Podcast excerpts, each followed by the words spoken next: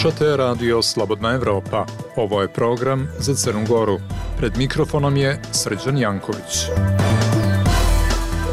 Srijeda je 14. februar. Dobar dan, poštovani slušalci. Ovo su naslovi dana. Opština Pljevlja večeras obilježava nacionalni praznik i istorijske datume Republike Srbije. Policije Crne Gore i Kolumbije unapređuju saradnju u oblasti pomorske sigurnosti i borbe protiv narkotika. Državna revizorska institucija dala duplo negativno mišljenje za crnogorski elektrodistributivni sistem. Generalni sekretar NATO Saveza Jens Stoltenberg upozorio da u regionu Zapadnog Balkana i dalje dominiraju tenzije. Ministar odbrane Sjeverne Koreje na novom spisku sankcija Evropske unije zbog podrške Rusiji. Ukrajina kaže da je uništila veliki ruski desantni brod na Krimu. U današnjoj emisiji između ostalog poslušajte. 14. je februar, dan Svetog Valentina, koji se posljednjih par decenija slavi kao dan zaljubljenih. Za jedne je to praznik ljubavi, a za druge produkt komercijalne mašte. To je baš lijep, iskreno meni datum. Lijepo je kad imaš nekoga pa pođete na večeru, imate neki poklon, nešto se desi. Komercijalan praznik, e, ništa drugo posebno. Da se zaradi što više.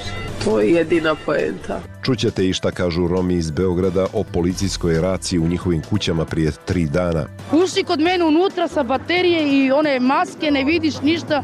I ja kažem, gospodine, na što ovo liči? Marš pička ti materna, jebem vam majku cigansku. Kaže on moje čerke leži dole. To Udarili ga sa, sa ono pendlom.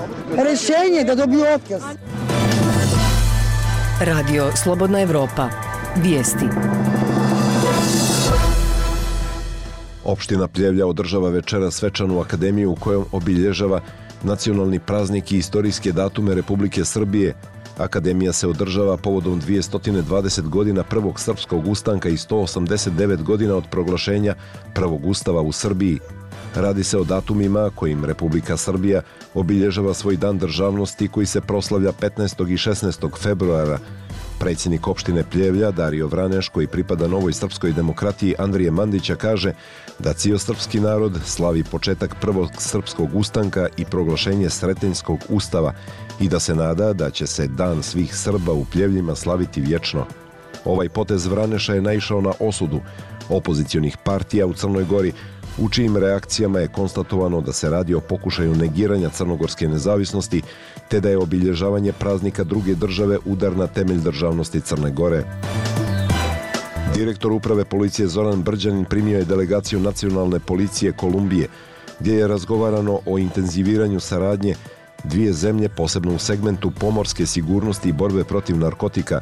Predstavnici nacionalne policije Kolumbije i specijalne administrativne jedinice za migracije Kolumbije kako je rečeno, istakli su da je razmjena informacija od vitalnog značaja za razvoj svih procesa u borbi protiv svih vrsta kriminala, a posebno u odnosu na krijumčarenje narkotika, što bi moglo nadalje dovesti i do otvaranja finansijskih istraga. Obje strane saglasile su se da postoji značajan prostor za intenziviranje odnosa, te istakle spremnost i otvorenost za unapređenje partnerstva. Državna revizorska institucija dala je negativna mišljenja na reviziju godišnjih finansijskih izvještaja Crnogorskog elektrodistributivnog sistema za 2022. kao i na reviziju pravilnosti poslovanja. Državna revizorska institucija je utvrdila nepravilnosti u oblasti evidencije imovine, odloženih poreskih obaveza, zapošljavanja i javnih nabavki. Kompanija je u značajnom broju, u prosjeku 247 osoba na mjesečnom nivou, zapošljavala putem sporazuma o preuzimanju zaposlenih u agenciji, privrednim društvima, državnim organima, državnim i lokalnim preduzećima bez sprovođenja javnog oglasa. Društvo treba da obezbedi jednaku dostupnost radnih mjesta nezaposlenim osobama i ograniči prostor za diskriminaciju osoba koje traže zaposlenje, rekli su u Državnoj revizorskoj instituciji. Aktuelni saziv parlamenta ima jedinstvenu priliku da sprovede suštinsku reformu izbornog zakonodavstva i pokaže novi pristup u razumijevanju tog ključnog demokratskog procesa od kojeg zavisi uspjeh evropskih integracija, navodi se u publikaciji Centra za demokratsku tranziciju.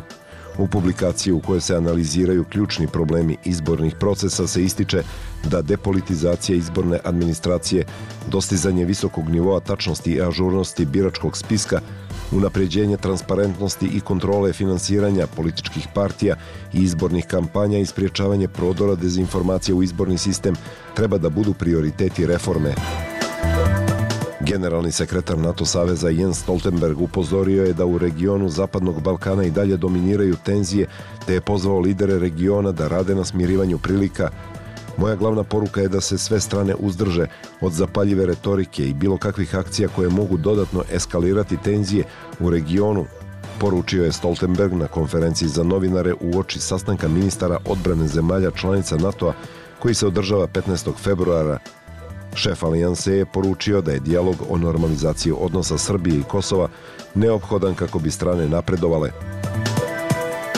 Evropska unija je pripremila novi spisak lica i entiteta koji će se naći u najnovijem paketu restriktivnih mjera Brisela zbog njihovih aktivnosti koje, kako se kaže u predlogu, narušavaju ili ugrožavaju teritorijalni integritet, suverenitet i nezavisnost Ukrajine. Na spisku koji Radio Slobodna Evropa ima uvid nalaze se 43 lica i 32 subjekta.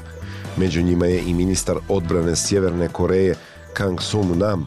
U obrazloženju se ističe da on nadgleda nezakoniti program balističkih raketa Sjeverne Koreje koji je, kako stoji u dokumentu, direktno uključen u vojnu saradnju između ove države i Rusije.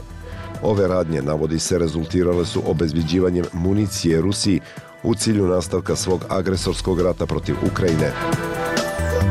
Ukrajinska vojska saopštila je da je uništila veliki ruski desantni brod u Crnom moru kod obale okupiranog Krima.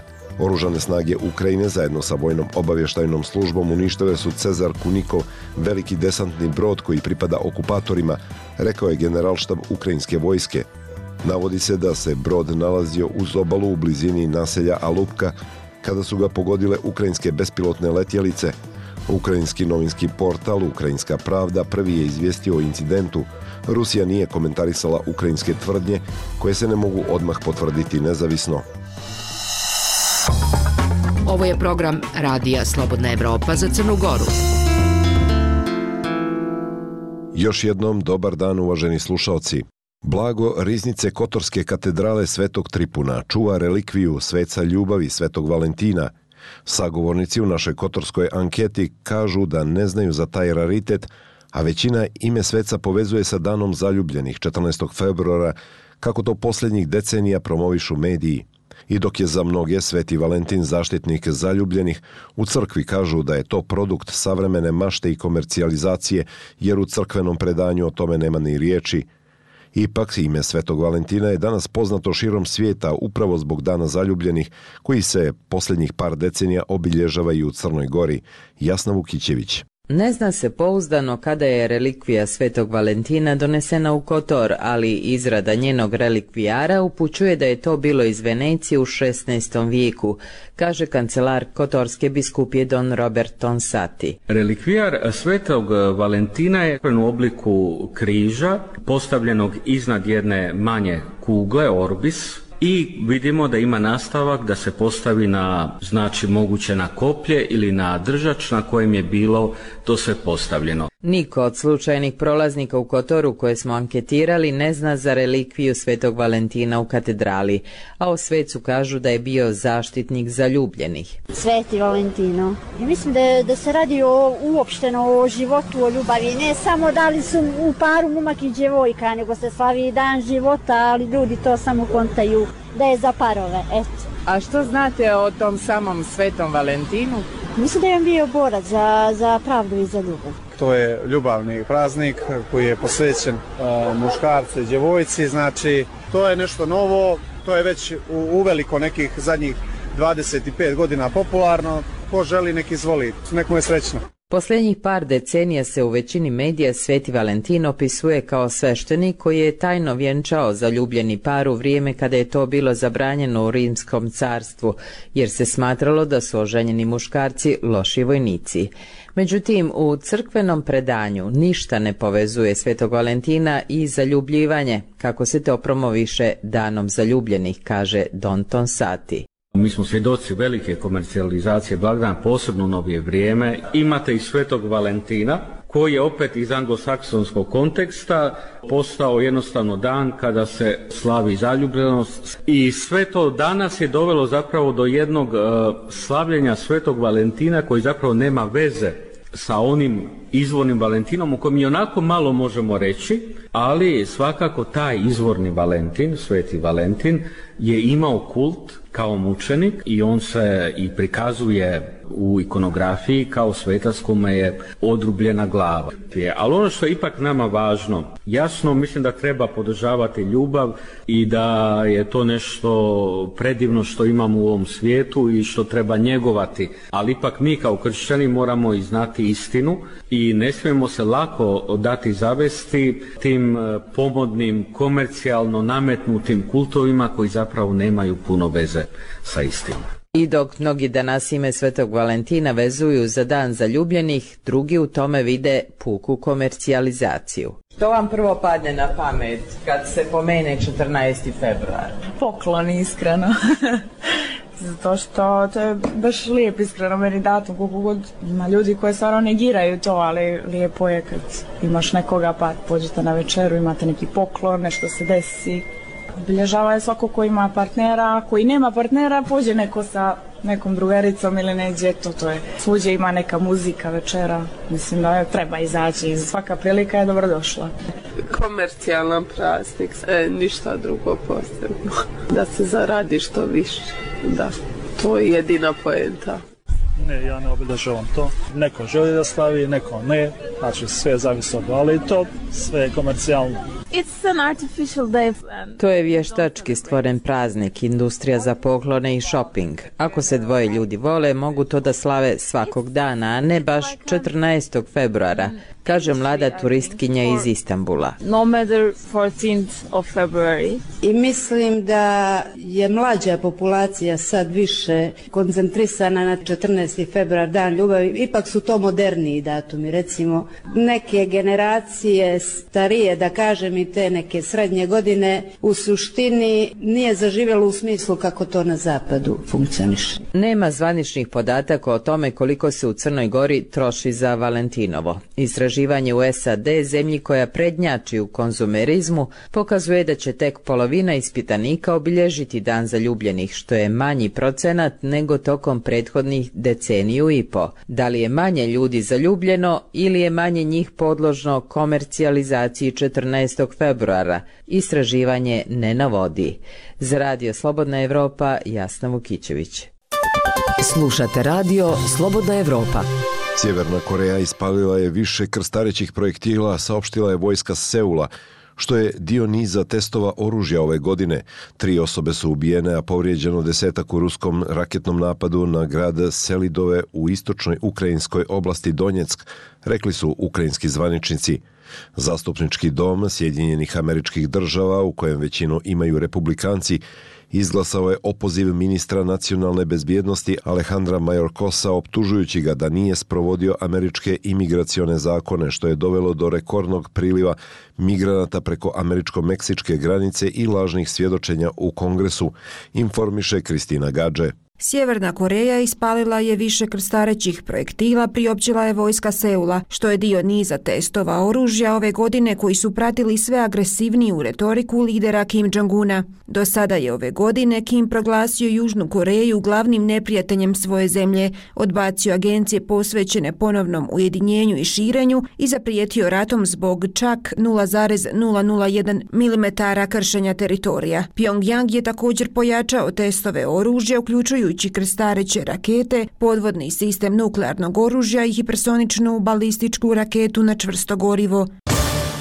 Ukrajinska preslužba gradske vojne uprave javila je na telegramu da su tri osobe ubijene, a desetak povrijeđeno u ruskom raketnom napadu na grad Selidove u istočnoj ukrajinskoj oblasti Donjeck. Guverner Donjecka Vadim Filaškin rekao je na telegramu da je 100 pacijenata evakuirano u bolnice u obližnjim gradovima nakon što je krilo gradske bolnice oštećeno u jednom od nekoliko ruskih napada. U video snimci objavljenoj na telegramu mogu se vidjeti razbijeni prozori, zidovi i ruševine unutar onoga što je izgledalo kao medicinska ustanova dok pacijenti sjede ili leže u krevetima. U drugom udaru uništeno je nekoliko stanova u petospratnoj stambenoj zgradi i povrijeđene su najmanje najmanje četiri osobe, uključujući dvoje djece, rekao je Filaškin.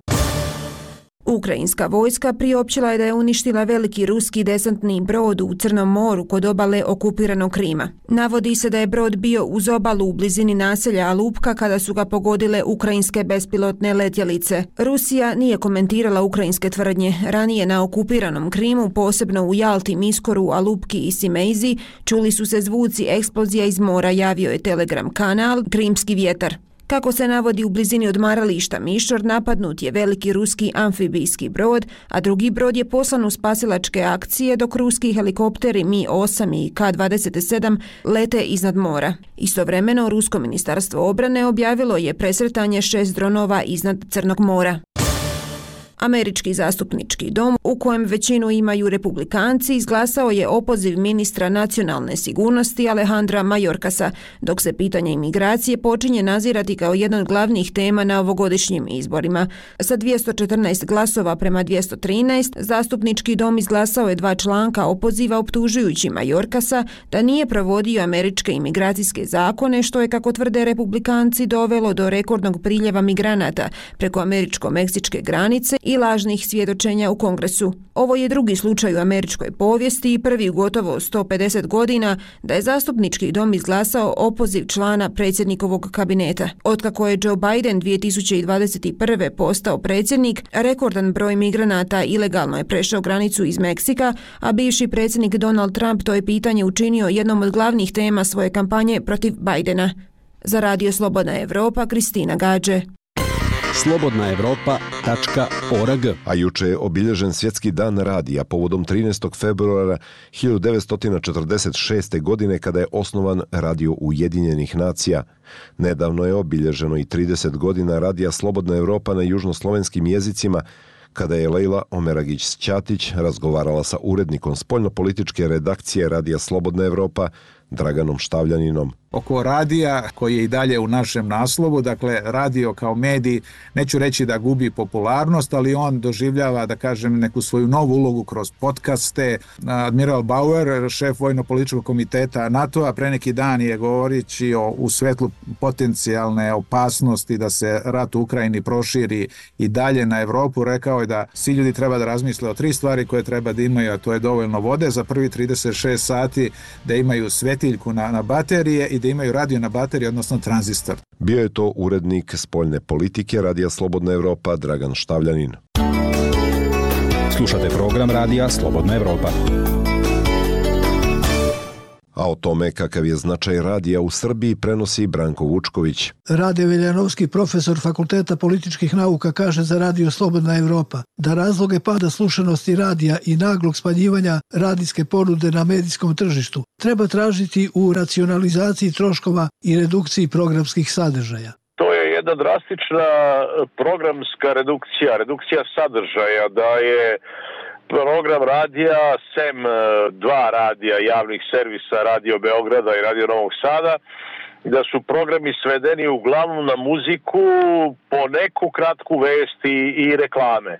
To je, kako da kažem, e, loše za razvoj radija, jer su naše radio stanice onda kada ih je bilo znatno manje imale mnogo, mnogo bolju, mnogo složeniju programsku ponudu nego što imaju sada. Racionalizacija troškova u radiostanicama, kako kaže Veljanovski, dovela je do toga da mnogi radijski programi u Srbiji praktično ostanu bez novinara, što je radiju oduzelo jednu od ključnih prednosti u odnosu na ostale medije.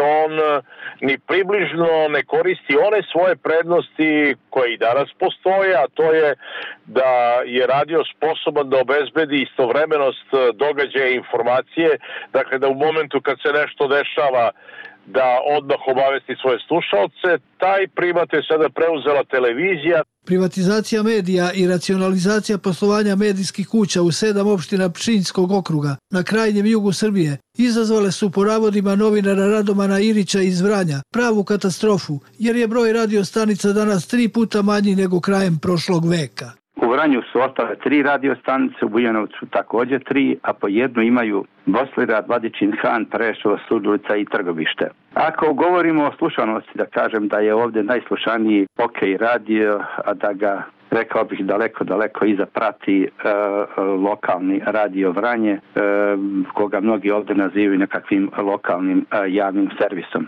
U Pčinjskom okrugu nekada je program emitovalo više od 30 radio stanica. Slična situacija je i u Braničevskom okrugu, u kome je u protekle dve decenije prepolovljen broj radio emitera. Miša Tadić, direktor i glavni i odgovorni urednik Radio Boom 93 iz Požarevca, kaže za Radio Slobodna Evropa da je poslovni ambijent za održivi rad radio stanica u Srbiji vrlo nepovoljan, a kao glavne faktore takvog stanja navodi.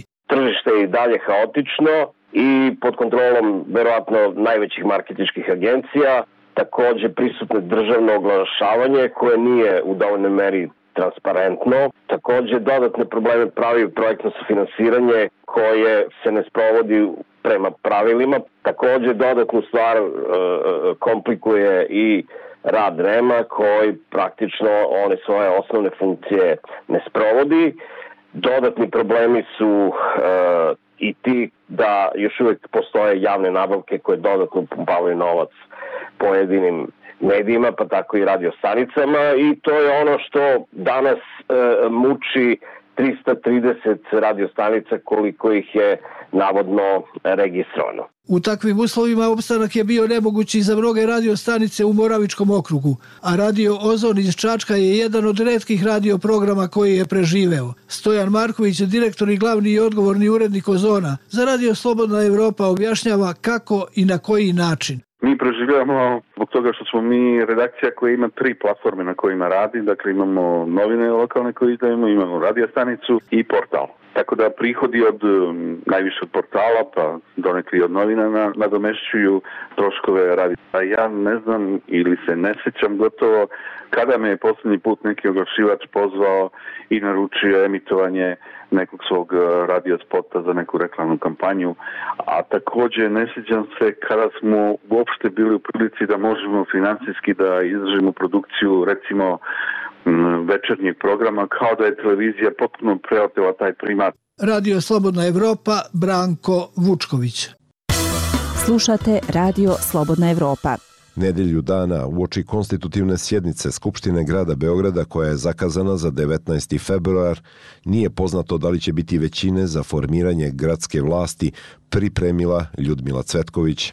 Nova vlast ili novi izbori? I dalje je nejasno čemu su bliži građani Beograda. Srpskoj naprednoj stranci i socijalističkoj partiji Srbije koje su do sada činile gradsku vlast nedostaju dva mandata za većinu. Prva adresa naprednjaka je lista Mi glas iz naroda koja bi mogla da bude jezičak na vagi. Njeni predstavnici međutim poručuju da ostaju pri svom ranijem stavu da neće praviti koalicije ni sa kim. Nećemo prihvatiti ničiji poziv, sem poziva na nove izbore. Naveo u pisanoj izjavi ZRS Dragan Stanojević, jedan od osnivača ovog pokreta. Stanojević je precizirao da nisu spremni na saradnju ni sa vladajućom Srpskom naprednom strankom, ni sa bilo kojom drugom političkom strukturom. Ipak je rekao da ne mogu 100% da garantuju za svakog svog odbornika, posebno imajući u vidu kako je naveo kontradiktorni čudne izjave Aleksandra Jerkovića. Jerković, koji je bio nosilac liste Mi glas iz naroda na beogradskim izborima, izjavio je 29. januara za Novu da ne vidi zašto ne bi razgovarali sa bilo kim ko želi da prihvati prihvati program ovog pokreta za Beograd i da ga sprovodi. U vladajućoj Srpskoj naprednoj stranci poručuju da će se ići na nove izbore ako nema većine. To za RS navodi član predsjedništva SNS Vladimir Đukanović. On tvrdi da naprednjaci već sada imaju većinu, ali kaže da je pitanje koliko je to u redu s obzirom da građani na takav način nisu glasali. Naveo je da neki od ljudi iz koalicije Srbija protiv nasilja, kako tvrdi, najviše traže da uđu sa naprednjacima u vlast. Ako bi bilo sa ovom Nestorovićevom opcijom, po meni dolazi obzir samo ako se potpiše koalicijni sporazum sa tom grupacijom Mi, glas naroda, da svi oni uđu i da onda se tako napravi, napravi vlast. Ako ne idemo na nove izbore i to je to.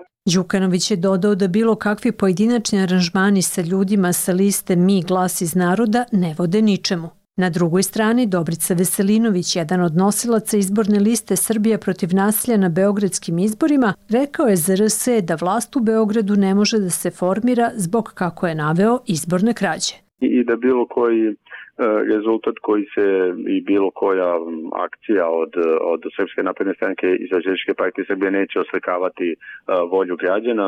Srbija protiv nasilja optužila je vlast da je uticala na izborne rezultate i kroz dovođenje glasača u Beograd sa strane. Srpska napredna stranka i državni vrh su odbacili navode o krađi izbora.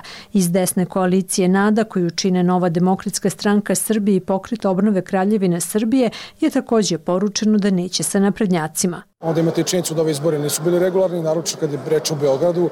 Rekao je za RS Miloš Jovanović, lider novog DSS-a. Jedini izlaz iz ovakvih političkih kriza jesu izbori, ali pošteni, fair, da imate medijski pluralizam, gde na lokalnim izborima glasaju samo građani koji žive u tim lokalnim sredinama. Dejan Bursać sa Instituta za političke studije Fakulteta političkih nauka ocenjuje za RS da je izvesnije formiranje vlasti u Beogradu. On kaže da bi ga novi izbori iznenadili to pre svega primarno ipak zavisi od ključnog aktera u našem političkom sistemu, a to je SNS. I taj akter neće sebi dozvoliti da ponovo ide na izbore u Beogradu i da ponovo rizikuje, pošto Beograd jeste politička arena u kojoj, kao što smo videli i prošle i pretprošle godine, SNS može da izgubi. Bursać ne veruje da izveštaj međunarodnih posmatrača može da rezultira ponavljanjem izbora i smatra da bi opozicija trebalo da se fokusira na izbore koji zaista dolaze, a ne na fiktivne opštine Beogradske. Podseća da dolaze izbori u 17 beogradskih opština, navodeći da u nekima od njih opozicija ima priliku za pobedu. Umeđu vremenu je Evropski parlament usvojio rezoluciju kojom se traži međunarodna istraga o navodnim nepravilnostima tokom izbora sa posebnim osvrtom na izbore za Skupštinu grada Beograda. Prethodna je međunarodna posmatračka misija konstatovala da su izbore obeležile ozbiljne neregularnosti. Za Radio Slobodna Evropa iz Beograda Iva Martinović i Ljubomir Ljudmila Cvetković. Pred zgradom Beogradske policije održan je juče protest zbog policijske racije u ulici Vuka Vrčevića. Stanovnici neformalnog naselja koje se nalazi ispod Pančevačkog mosta većinom Romi zatražili su kazne za policajce tvrdeći da su ih bez razloga tukli, prenosi Zoran Glavonjić. Romi iz Vuka Vrčevića ispričali su na protestu da im je 10. februara policija upala u kuće u potrazi za osumnjičenima koji su tog dana nedaleko od naselja napali policajce. Oni su ušli kod mene u 9 sati uveče. Ja sam bila sa malo detetem u 6 godine. Ušli kod mene unutra sa baterije i one maske, ne vidiš ništa. I ja kažem, gospodine, na što ovo liči? Marš pička ti materna, jebem vam majku cigansku. Čuti! Ciganšturo kao, ciganšturo. Žene, a ne muškarce. Žene, kako im nije sramo? Nasilje nad ženama. Što oni zamišljaju, bre? Nemaju dušu. Rekla je za Radio Slobodna Evropa Emina Selimi. Zufa Zorjani dodala je da bez odlaganja zahtevaju odgovornost za policajce iz subotnje racije. Naziva me kurveštino. Sramota. Ja sam sama hela majka, živim sa petoro dece. Не треба нама полиција. Кажам мој ќерки лежи доле. Удари ми га са, са оно пендра. На шта значи тоа? И он лоп. Нама е, нама е потребна полиција која ќе пази на нас, а не да нас малтретира. Да нас бију. Решење да добију отказ. А не да учат да, да идат по контейнерима. Okupljeni su zatražili od predsednika Srbije Aleksandra Vučića da utiče da policija prestane sa takvim postupanjem prema Romima. Mi ništa nismo tražili od njih, da bi oni ušli unutra tukli sve nas, da vidu ceo svet ovo, da ima i u Beogradu batine samo Romima. Gde se pojavu Romi, sve su Romi batine tu, da tu bio sve naše dece. To je javno, javno, javno, to je stvarno sramota. Rekao je Demuš Zorjani, u čiju kuću je policija upala 10. februara. On je saopštio da su predstavnici Roma 11. februara imali sastanak sa rukovodstvom Beogradske policije i da im je rečeno da se radi na slučaju. Unija Roma Srbije izrazila je zabrinutost i oštro osudila policijsko postupanje u romskom naselju Vuka Vrčevića, koja je ocenila kao brutalni i ponižavajući napad na civile. Zatražila je hitnu, transparentnu i nepristrasnu istragu ovog slučaja – Ministarstvo unutrašnjih poslova Srbije saopštilo je da su pripadnici policije u skladu sa zakonom 10. februara na adresama stanovanja u Beogradu tražili lica koja se sumnjiče da su prethodno u bulevaru Despota Stefana uznemiravala više mlađih osoba na autobuskom stajalištu i potom napala i povredila policajca. Jedan od njih ciglom je pogodio policajca u glavu, dok ga je drugi udario zatvorenom šakom, naveo MUP. O upadu policije u kuće Roma MUP nije saopštio ništa. Nevladine organizacije za zaštitu ljudskih prava saopštile su da će tužilaštvo u sektoru unutrašnje kontrole policije i zaštitniku građana podneti prijave povodom navoda o policijskoj brutalnosti nad Romima. Bilo je to sve u današnjoj emisiji. Najnovije vijesti potražite na našoj web stranici slobodnaevropa.org i pratite nas na društvenim mrežama.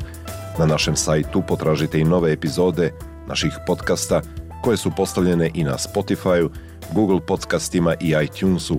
Ekipa Radija Slobodna Evropa Crna Gora vam želi prijatan dan.